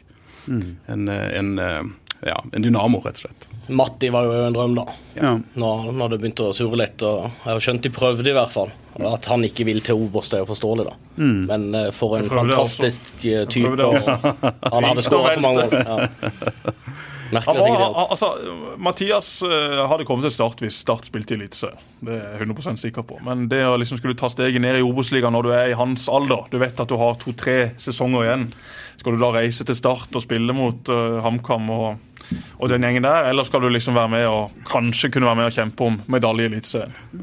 Tenkt på ting, Det å bringe inn en spiller nå, nå har de jo missa på Salvesen eh, Williamson. Det å liksom eh, gjøre dere mer tilfreds, eller statssupportere mer tilfreds, eller media, eller hva du skal si, er det, er det et poeng nå å komme med et eller annet som kan blåse litt eh, liv i det? Ja, det er, jo litt, sånn, det er jo litt interessant, for det er jo start, Hvis du ser spiller for spiller i Start, eh, hvis vi snakker om de 24, da, som liksom reiser på tur nå, så er det ganske mye kvalitet, altså. Så jeg, en sånn, eh, en sånn kronjuvelsignering Jeg vet ikke om det er behov for det, sånn sett. Det måtte være som vi sier, en som, en som har en pedigree som sier at jeg skal skåre. Jeg kan skåre 20 mål i Obos, jeg kommer til å gjøre det. En sånn Fardal Opseth sånn som, gikk til, ja, som gikk ut nå. Det var jo litt overraskende. Jeg tenker mer sånn, okay, jeg skal bringe to navn inn. da, eh, Mathias Rasmussen, Ja. hente han hjem fra Danmark. Eller f.eks. Hente, eh, hente Sondre Tronstad fra, fra Haugesund. Ja, Vi har jo snakka litt om Sondre Tronstad.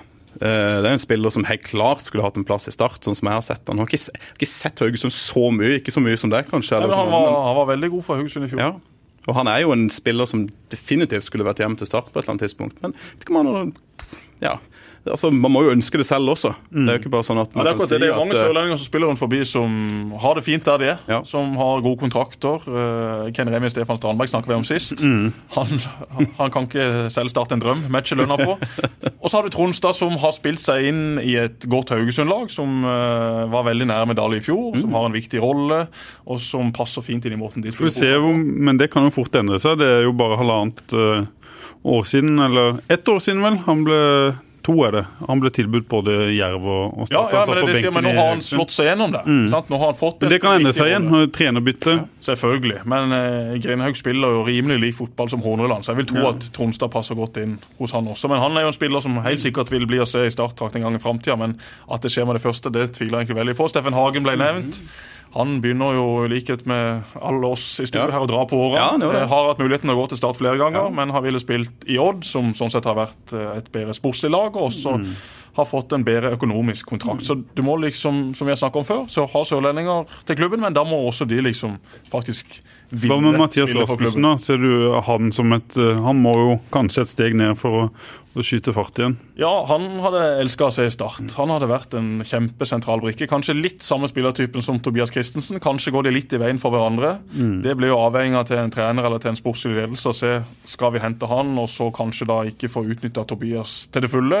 Har de mer tro på Tobias, så syns jeg det er feil å hente Mathias, men kunne de brukt Mathias på en kant eller et eller annet, så Han er jo blitt mer eh, kantspiller i Nordsjælland enn han var i, i Start. Strålende fyr. Har fått seg kjæreste der nede. Ja, ja. Eldgammel kjæreste. Det har han ikke. En eh, dansk kjæreste på hans egen uh, alder. Ja. Jeg mener Aya nevnte noe om det, at, eh, at det var ei dame som var eldre enn han. ja, det kan godt være. Leste han har fått seg eh, hund også? Eller Ja. Han får seg hunde. Jeg har vært på besøk hos Mathias nede på Jeg traff du hun dama, da? Nei, det gjorde jeg ikke. Kanskje det var en grunn til det.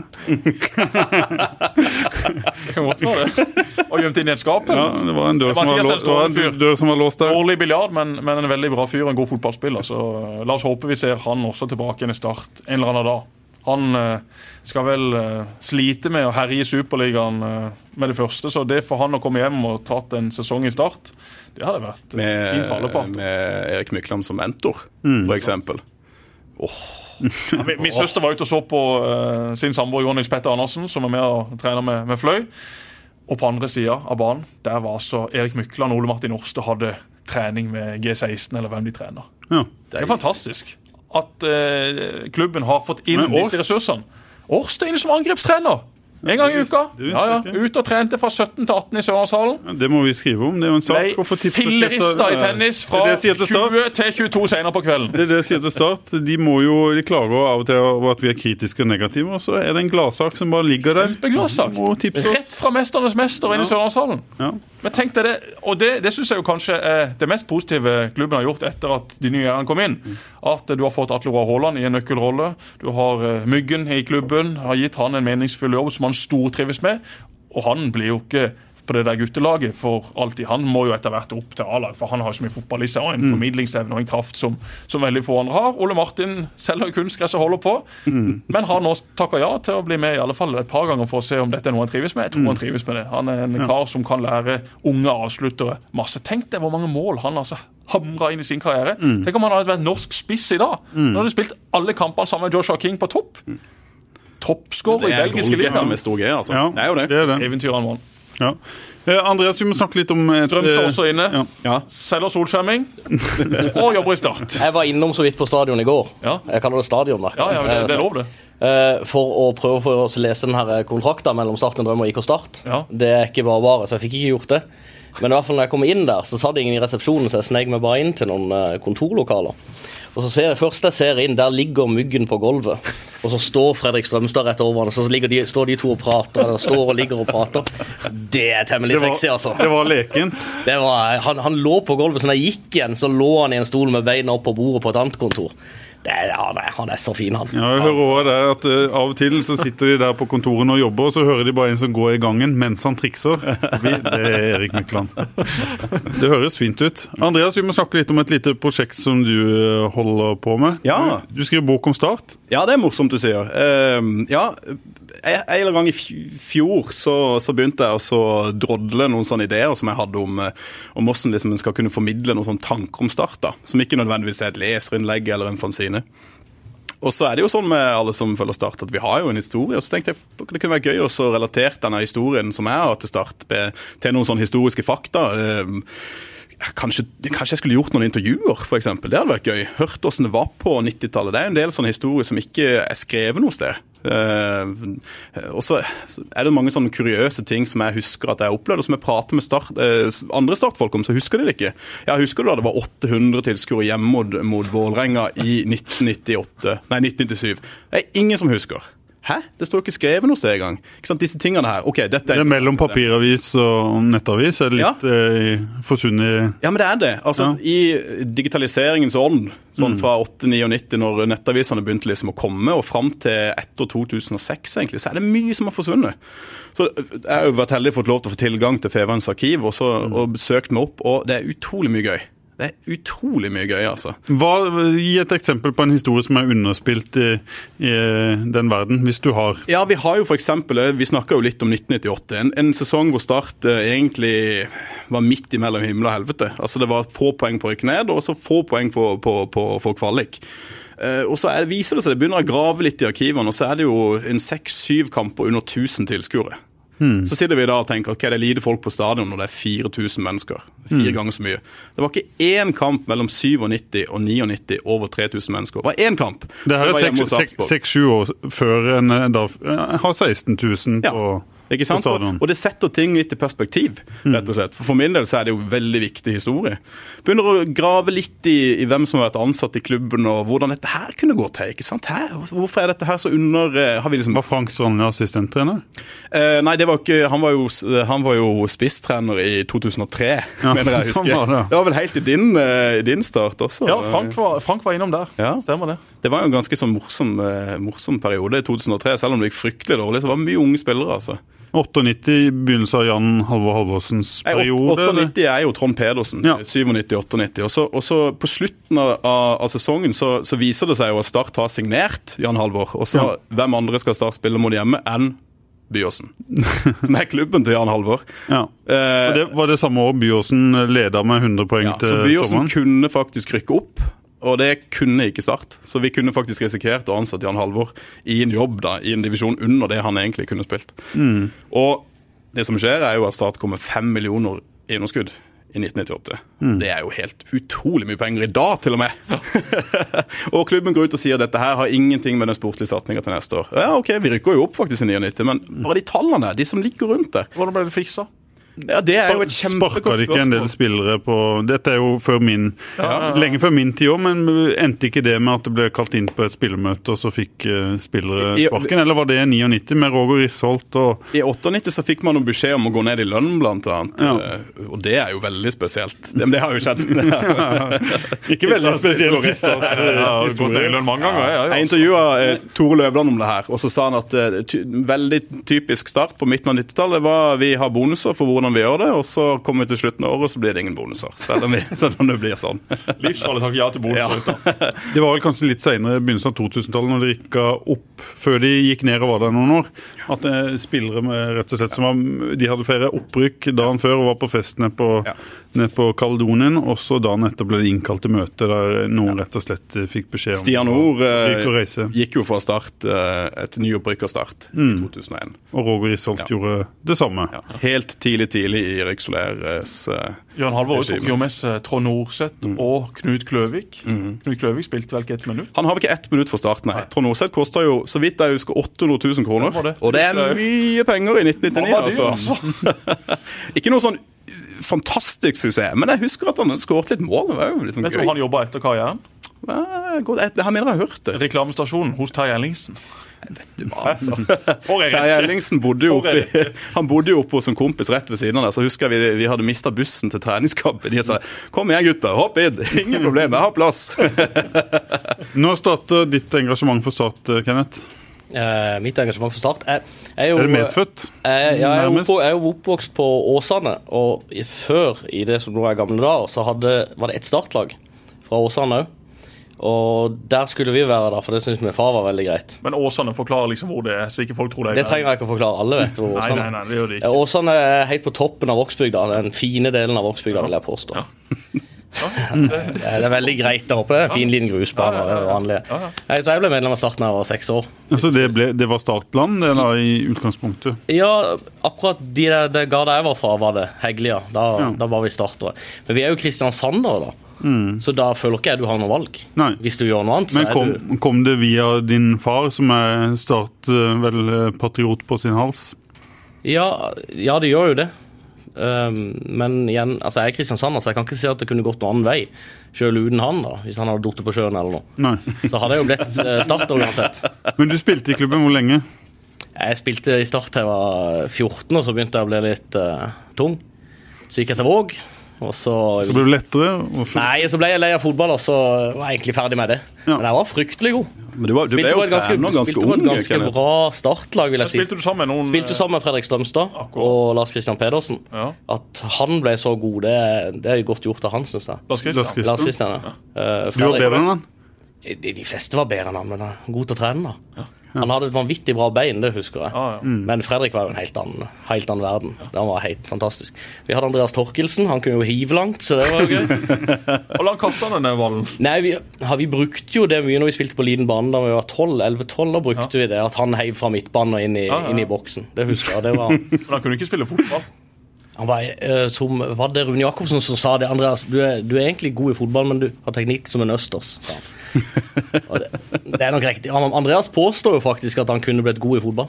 Han, har, han har sitert i avisen på at jeg kunne blitt god i fotball. Om ikke Det han, gjør jo alle om ikke han noe fotball. Ja, det- Alle er litt- skiløpere, alle som løper, alle som driver med sykling, kunne jo blitt gode i fotball. Men jeg er litt usikker på om det er Andreas det, faktisk som har sagt det, eller om det er hans eh, far, Tom Torkelsen, som som har, eh, Det høres mer ut som Tom. som har eh, sagt det. Ja, Men han kunne ikke det. det kan, kan vi Du legger den ballen død, Kenneth. Nei, det holder ikke å være sterk og rask. Men du ble jo trener ganske ung også. Det var jo litt morsomt. Du har jo trent et lag som, som har spilt mot et midtalderskull, faktisk. Jeg tror vi har spilt mot Jesper òg. Jeg har trent 86- og 88-årgangen til Våg. Og jeg har, jeg har en episode Akkurat. Og da eh, Spilte jeg mot dere? eh, Ja. Eh, Vi har i hvert fall én kamp eh, med Gimlehallen der. Ja, OK. Eh, Du var ikke særlig god. Nei. Det er det jeg husker. Jeg var sånn Jøss, han, var jo- han var jo ikke noe. Eh, Det, Men vi det, ganske- jeg, kan, jeg kan faktisk huske én kamp på den alderen hvor jeg ikke var god. Ja, Var det mot Våg? Nei, jeg kan ikke huske én. Ja, nei. Ja, jeg, jeg, jeg, altså vi, eh, jeg, vi er jo omtrent like gamle med Jesper. Vi har jo spilt mot hverandre, faktisk. Eh, Jeg har to mål som jeg har sluppet inn. En gang på en grusbane hvor det var vann, og så skårte jeg ballen mellom beina. Jeg er keeper. Og så en gang så hadde vi slått Start. Det var jo, da spilte jo Jesper i Start. Vi slått i 3-0 på Sokvann, og så skulle vi legge nytt kunstgress på stadion. Og Da eh, spilte vi spilte Start hjemmekampen sin på Sokvann, og så eh, legger Jesper en veldig fin corner. Og så skal jeg bare opp og bokse, eh, og så bokser han rett i mål. Fantastisk. Det er så Nydelig selvmål, og det har liksom bare stått med meg resten av livet. Jeg regner ikke med du husker det, men for meg var det sånn Å, herregud, så forferdelig. Sånn skjer. Sånn skjer. Alle Du, hvem, hvem trente du, da? Har du trent f.eks. Espen? Eh, Et, jeg hadde Espen Børrelsen og Olf Daniel. Ja. De var jo 86, er det ikke det? Nei, Nei, de er 88. 89. Espen er 88. Og- Olf er 89. ja. Så hadde jeg Kristoffer Mechaniker, Ja. 86. Han er klart den beste av de som var der. Han var helt fantastisk. Det at han klarte å spille seg inn på Jerv òg. I voksen I alder? voksen alder. Han var vanskelig bare- å spille mot, altså. Det viser bare bra han var. Ordentlig vanskelig. Han, han, Han har vel sagt det fra han var Han gikk vel lei da han var 17 og spilte vel Mm. knapt han var et par og 20, men sier vel det at han kunne spilt på et veldig mye høyere nivå hvis han hadde vært seriøs. Han er den beste jeg har sett på det. Han vant jo serien alene for oss. Vi hadde noen slepne teknikere i Randesund altså, som, sleit med, som sleit med han, og vi tapte kretsfinalen det året. Kan ha vært i 2001 på, på Sukkervann, så var han en av de aller, aller beste. Skikkelig gristaklinger. Ordentlig stygt, altså. Men bra. Fantastisk bra. Han var god. Ja. Det beste jeg har sett, det er det, Jesper. Ja, jeg Han var ikke god, men var ikke i nærheten av meg. Jeg har kanskje fortalt det før, men jeg arrangerte jo da en turnering oppe i Bø i Telemark når jeg studerte idrett. Jeg er jo litt eldre enn eh, dere, og der var det et 14-årslag fra Gimletroll, og det var én spiller der som var i en egen klasse.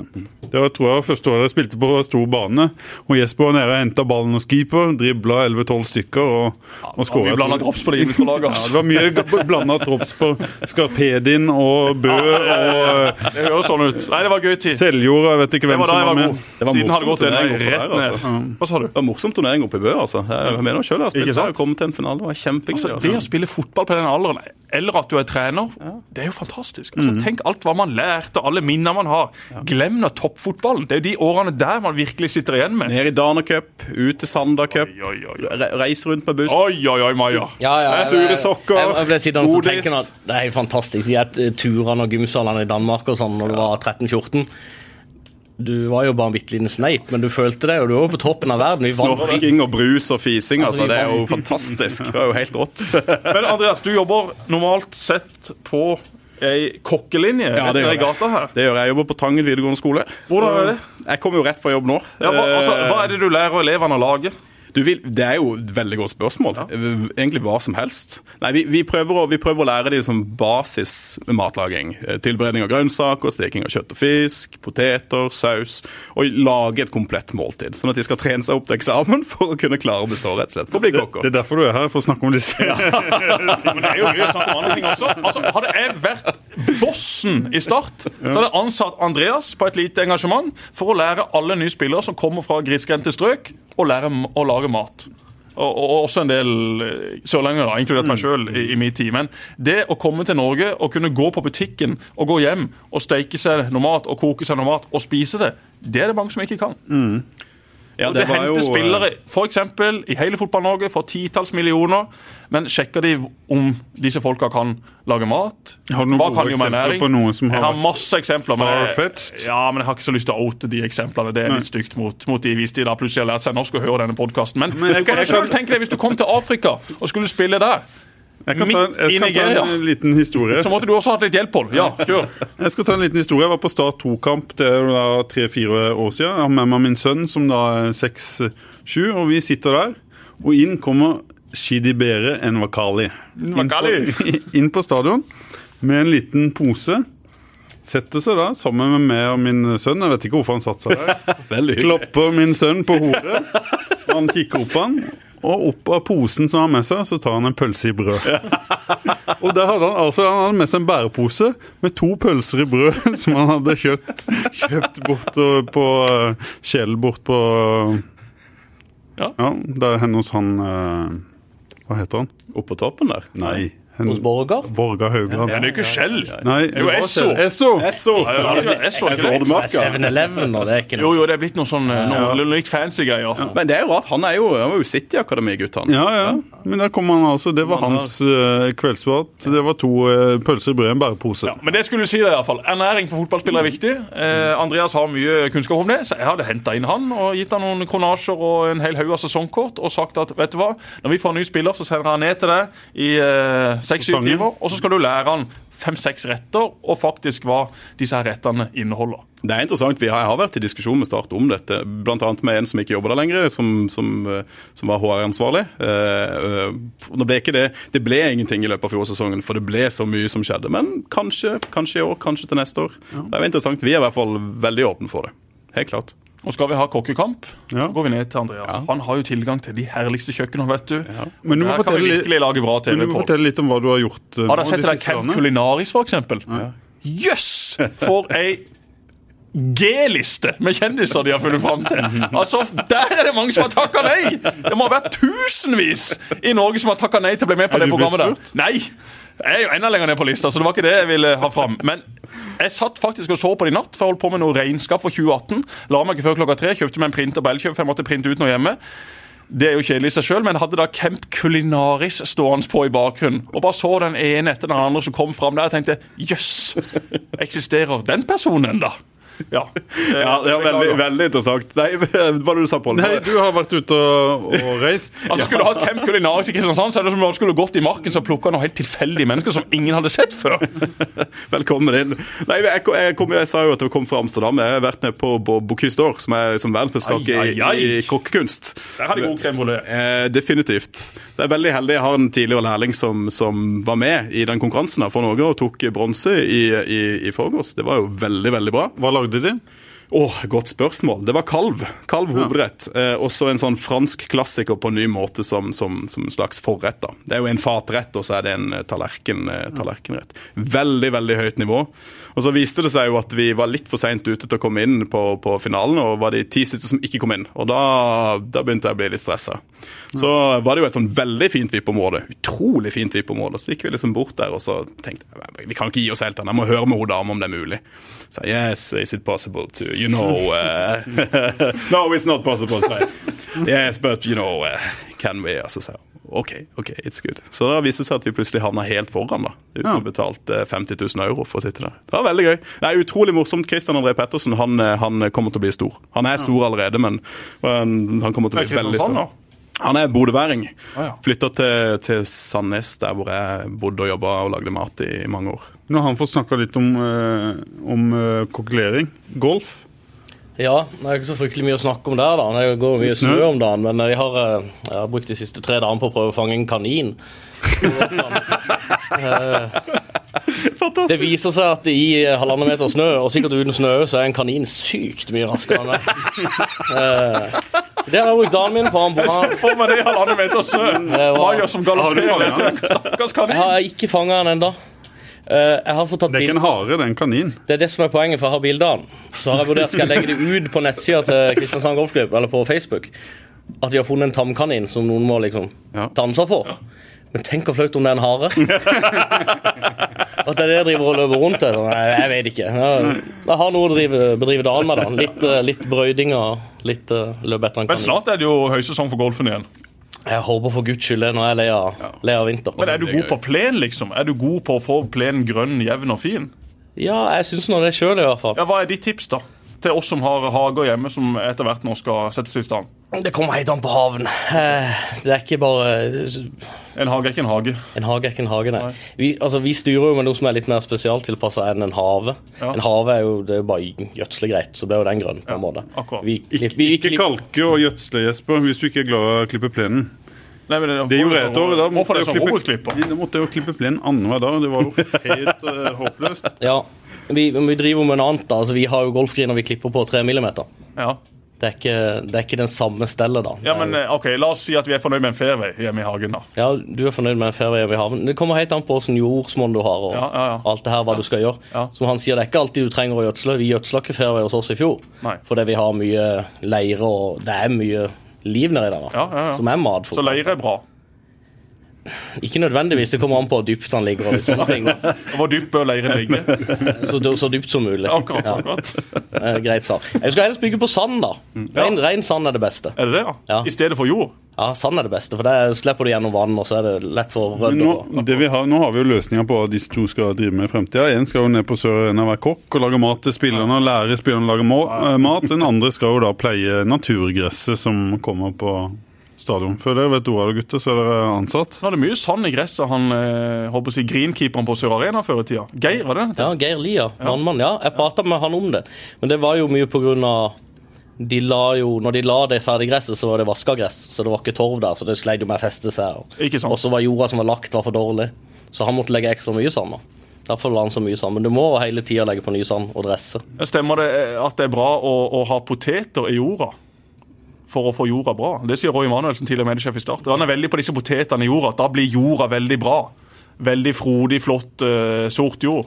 Ja. Kan du avkrefte det? Men jeg, vi vil jo som sagt ikke ha frodig sort jord, vi vil Nei, ha sand. Vi vi. vil ha sand, ikke sant? ja, ja. ja. Men minst mulig organisk. Akkurat. Yes, eh, Har vi snakka oss eh, ferdig nå? Det høres nesten sånn men ut. eh, det er alltid. Ja, men altså, når vi henter inn ekspertise i, i studio, så må vi jo spørre dem om hva de driver med. Ja. Ikke sant? De er, kan mye fotball og er interessert i fotball. Men helt ærlig, syns ofte det er mye gøyere å snakke om gress og kokker enn å snakke om fotball hele dagen. Ja, i Og hele natta. I hvert fall midt på vinteren. Ja, ja, ja. Når vi reiser på fotballtur, det pleier vi å gjøre litt, eh, Kenneth. Vi gjør jo det. Så er, det jo, så er jo fotballen den, eh, den store happeningen. Men eh, som, vi hadde jo en veldig fin tur til Bristol her. Eh, Ja, For dere er glad i engelsk fotball også? Ja, vi er men det. Ikke, eh, altså, jo, du er jo City-fan, Ja.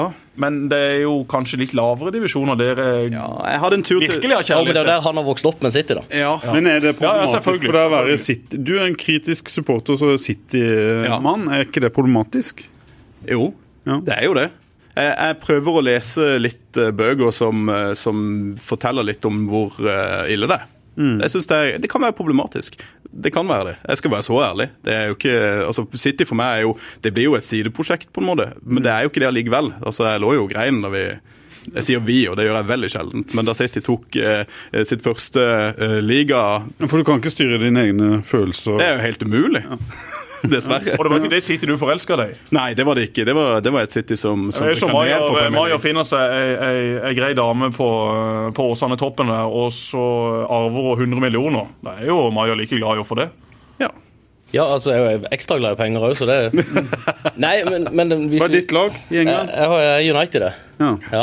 Eh, Så vi, vi har egentlig ikke noen store krangler om det med Andreas. Jeg tror vi har funnet ut at det er like greit å la den ballen ligge litt død. Ja. Eh, Og jeg kan veldig kom- mye om United fra den tida som Kenneth likte det, så vi har masse sånne referansepunkter der som vi koser oss med. Men, men engelsk fotball da, altså Jeg er kjempeinteressert, og vi elsker å reise over og se masse kamper.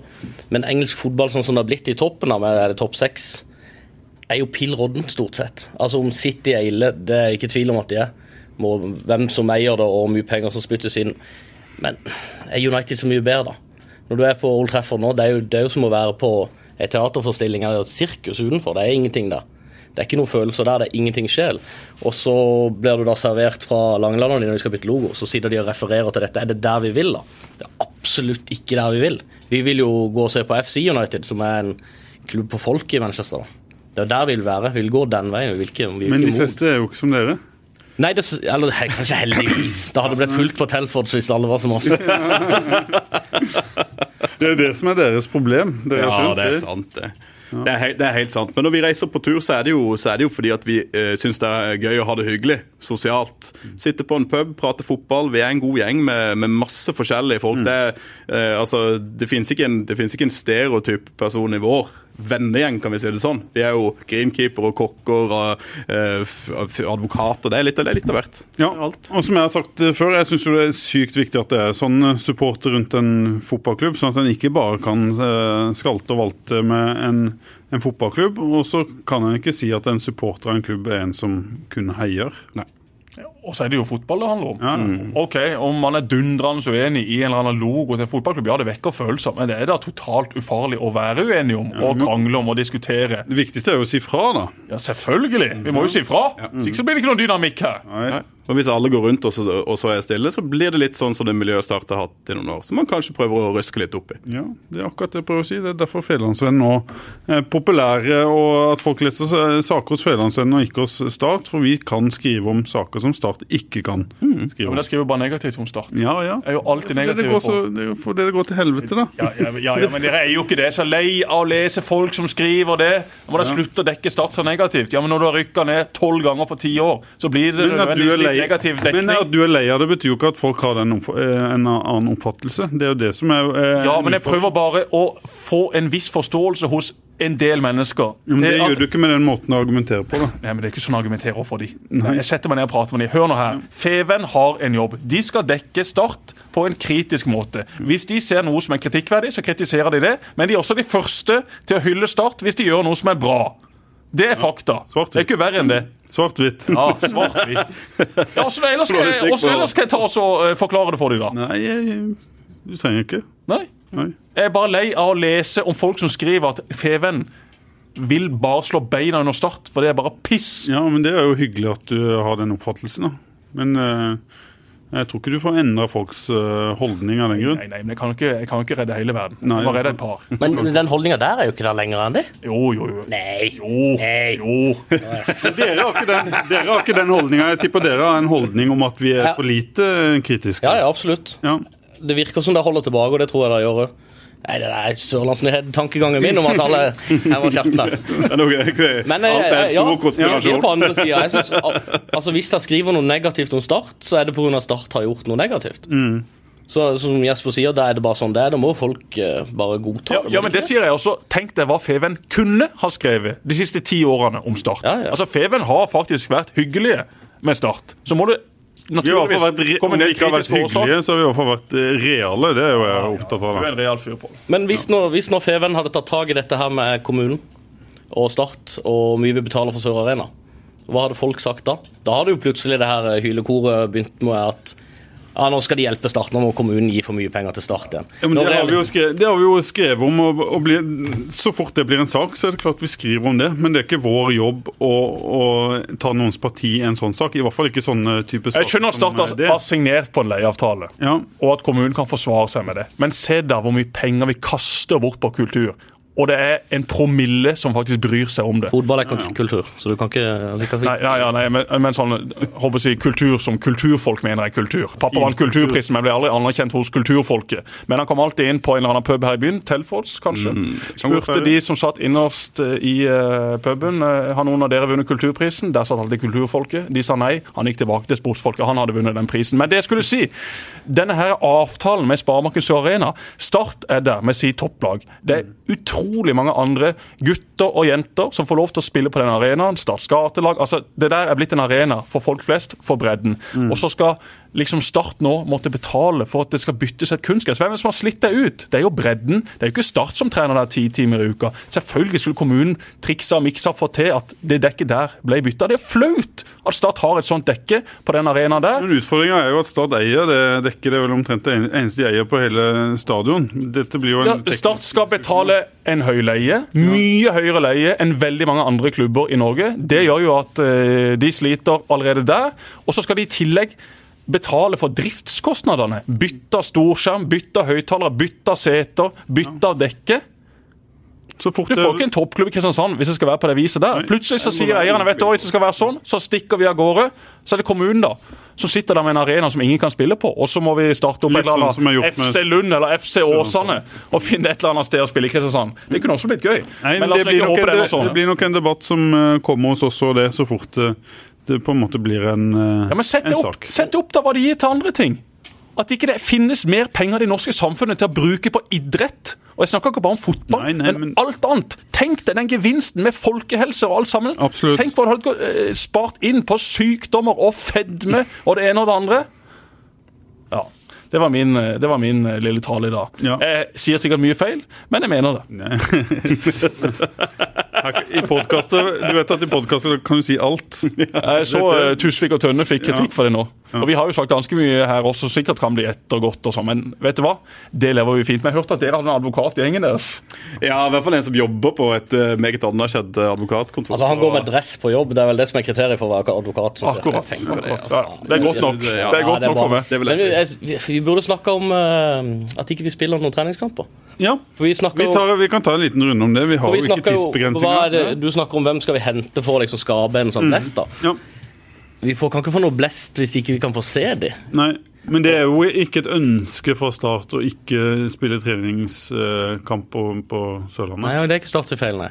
Det er vel mer en liten kamp med kommune og Ja. eh, underlag inn i Sørlandshallen og sånt. nå da. Selvfølgelig, Start kunne jo valgt å spille i Sørlandshallen. og så er Spørsmålet er dette et politisk press Start utøver på kommunen, eller er det faktisk eh, så galt det dekket i Sørenshallen at det ikke er forsvarlig Jeg har ikke å vært på det dekket og spilt de siste årene, men de som har vært der i mange år, sier nå at dette her dekket kan du ikke trene på to timer hver dag og slippe unna skader. Og Da skjønner jeg at Start heller vil bruke noen kroner ekstra på å reise til Spania, trene på gress og forberede seg der, sånn at de ikke skal få masse belastningsskader på nøkkelspillet. nøkkelspillere. som jeg har spurt Start om, Har de sjekka myra i Arendal? Har de sjekka banen i Froland?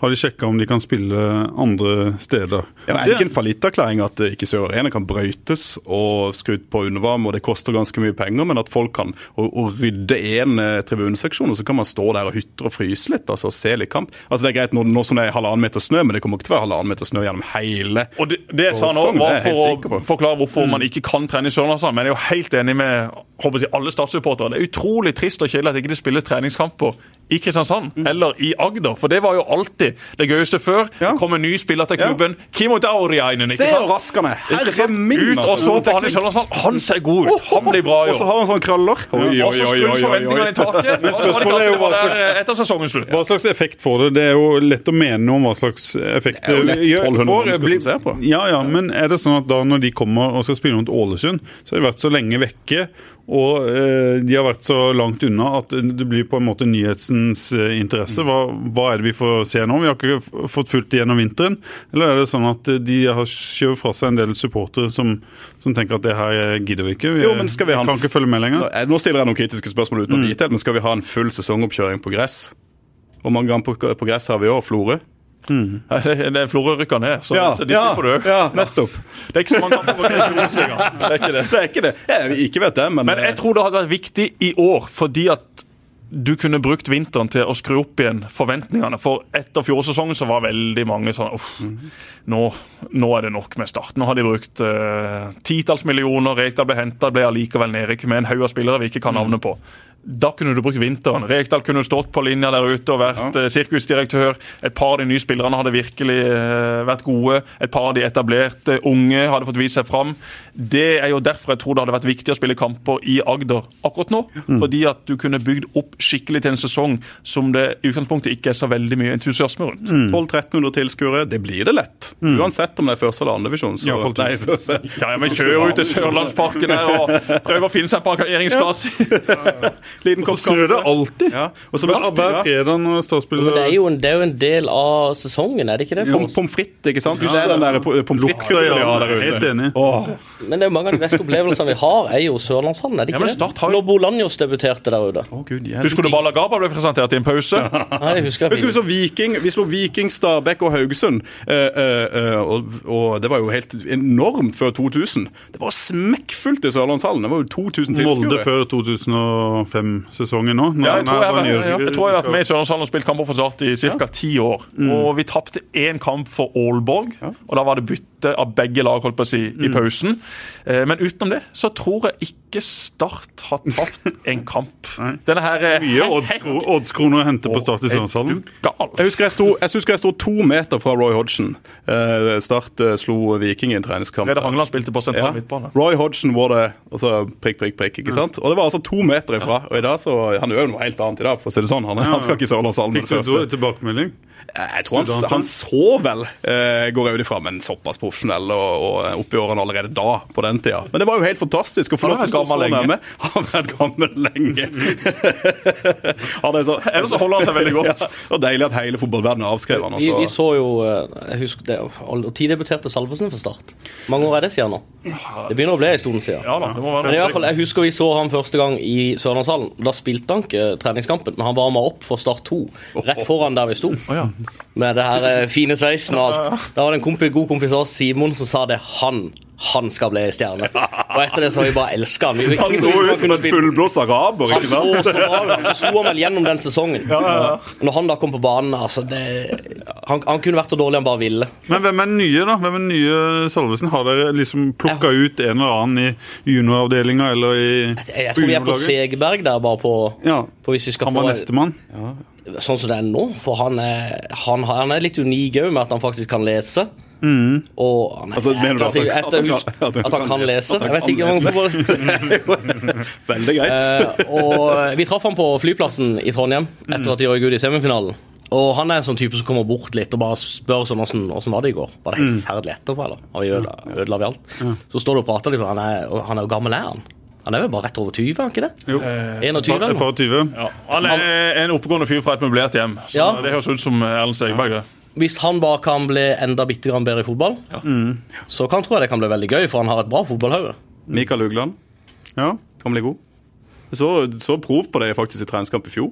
Han var god mot Don. Ja. ja. Den skuffa jeg godt inn på. 8-9-0, det. Ugland skåra to-tre mål, han. Men det er jo et par gutter, det er jo et par, par relativt gode gutter på det Start, eh, start 2-laget. altså. Jeg må si det. Det er jo noe spennende på gang. Men det er klart at de har kanskje ikke den bredden som de skulle ønske at de hadde. Men er det noen av de nye som dere på en måte har forventninger til, eller som dere syns er, er verdt å, å nevne? Nye Av de som har blitt henta under nye eiere, som, som en har forventninger til, eller som, som en tenker at oi, ja, han gleder meg til å Det var jo ekstreme forventninger til Kabran. Jeg vet ikke, du, Vi prata litt om det før, og du sier jo han er god. Eh, jeg klarer ikke helt å se hvordan X-faktor han egentlig har. Han ser ikke spesielt rask ut. Han, han ser jo ut som han mangler selvtillit, bare, men er ikke det litt for lett, kanskje? Jeg vet ikke. Han har vel et relativt Jeg håper han blir god, for han, han ser fryktelig god ut. Ja. Han ser litt kul ut. Ja. Han har litt sånn stjernelook. Ja. ja. han har det, og du vil gjerne at de skal bli gode. ja, du vil det. For, for Start hadde han vært verdt jækla mye hvis han bare kunne ta, Hadde ikke han blitt skada, så tror jeg. Start hadde holdt eh, plassen. Så små marginer, tror jeg. Det var, han var på vei mot et eller annet og var i, i god form da han ble skada. Jeg sa det og tenkte på det i går. Det er jo all, veldig mange unggutter. Uh, og vi har jo to på midten også som er veldig unge. Uh, men han er jo ikke gammelkaren, han heller. Han har jo ikke sikkert vondt av en sesong i førstevisjon for å etablere seg og kunne komme opp med selvtillit. Og, og Kabran på, på sitt beste i Tippeligaen tror jeg er en god fotballspiller. altså. Ja. Det, det tror jeg. Ja. Men du, du har jo vært litt rundt da, har, har Karbran Har han lyst til å spille Obos? Vil han det? Han vil jo ikke det. Aller helst så vil han jo ikke det. Nei. Eh, Han vil jo helst spille i eh, den øverste divisjonen i Sverige ikke sant? og så kunne komme seg videre ut i Europa. Men eh, det er nå engang sånn at han har en kontrakt med Start. og Sånn som jeg kjenner han, og de tingene jeg hører, så er han såpass proff at hvis han blir i Start, så skal han selvfølgelig ta den muligheten. Og han har en eh, agent som er veldig flink. eh, Blesh Hosseini, en av de største er han blitt i Sverige allerede. En ung kar, veldig hyggelig kar. Som eh, selvfølgelig håper å få flytta han til en annen klubb etter hvert. Men hvis det nå blir Start, så må jo han da levere som pokker i Obos-ligaen. Og han har jo motivasjonen bare der. Levere i Obos-ligaen, så kan det godt være at større klubber fra andre land vil se, og Det er jo fordelen til Start, eh, apropos dette her å se ut som en stjerne. Når agenter kommer til Sjø Arena, selv om Start spiller i Obos-ligaen, tenker de jøss. Dette er en fint. klubb. Dette må vi eh, kunne ta for, for god fisk. Her spiller det en del gode fotballspillere. Så Ja. Kabran, en god sesong nå for Start opprykk. Så kan det godt være at Start kan få eh, godt betalt for han. Ja, men er det, er det en, jeg vil ikke at det skal være inspirasjonen hans for å spille godt for Start. da. Nei, men det tror jeg det. Ja. Det tror Ja, jeg det, er det, tror jeg, det tror jeg. Men du vil at han skal ha et slags klubbhjerte? jeg, jeg, jeg vil at han skal spille bra for Start for det der han er nå. Ikke for egen vinning, sammen med la, Damien Love, da, som er en fantastisk bra fotballspiller. Selv om han er litt hodeløs. men det Måten, han, måten han ter seg utad, da. Det er bare sånn Jeg har ikke lyst til å være her. Ja, altså, hvis du har en samboer, og hver, hver dag så sier du til henne jeg kunne tenkt meg som var finere enn det. Så er ikke det så kult, da. Det er ikke så gøy for henne. Det er ikke Og det. det er kanskje Jeg tror det ser ut på sosiale medier som de har fått den beskjeden. da Ja. At det er ikke så kult å Det er mye på der. sosiale medier som uh, ikke er sånn i virkeligheten. Det har vi snakka om før. Ja. Men jeg tror det er litt, Du sa dette her med stadion. Jeg hadde halvannen time med Steve Perryman her for uh, et par uker siden. vel. eh, Hvor han fortalte om, om, Perryman Travel? Ja, om han fortalte om tida si i Start. Og så- det- ja, så ble vi sittende og prate om mat og Japan og ikke sant, og hvordan uh, Ossia Diez-tida han var manager i Tottenham. og sånn. I forbindelse med bokprosjektet. I forbindelse med bokprosjektet. Eh, og, og så på Avslutningsvis så begynner han å snakke om eh, ja, eh, det hotellet som vi bodde på. ja, ikke sant, Kalone, ikke sant? Ja, og, og, så måtte jeg hilse til mange. Og så, så fortalte jeg meg, ja, for nå har vi jo fått eh, en 14,000 all seater stadium. Og så ble det helt stille. What? In, in where can I find this? Og så bare, yes, du må liksom inn og sjekke. Hæ? Er det sant? Er dette samme start som jeg trente? og så sier jeg sånn, ja, men du er nødt, eh, Steve, du er nødt til å eh, gå inn på YouTube og så søke på uh, Myggen-filmen. All right, I have to, I, how do you write it? M-Y-G, og så, because you're in it. Well, I'm in it. så et eller annet sted i England så sitter Steve Perryman og ser på YouTube på Myggen-filmen. Uh, forhåpentligvis. Ja. Meget bra. Han skulle hilse så mye. Jeg håper jeg treffer noen av de som skulle hilse til deg. Blant annet til Kai. Uh, what a man.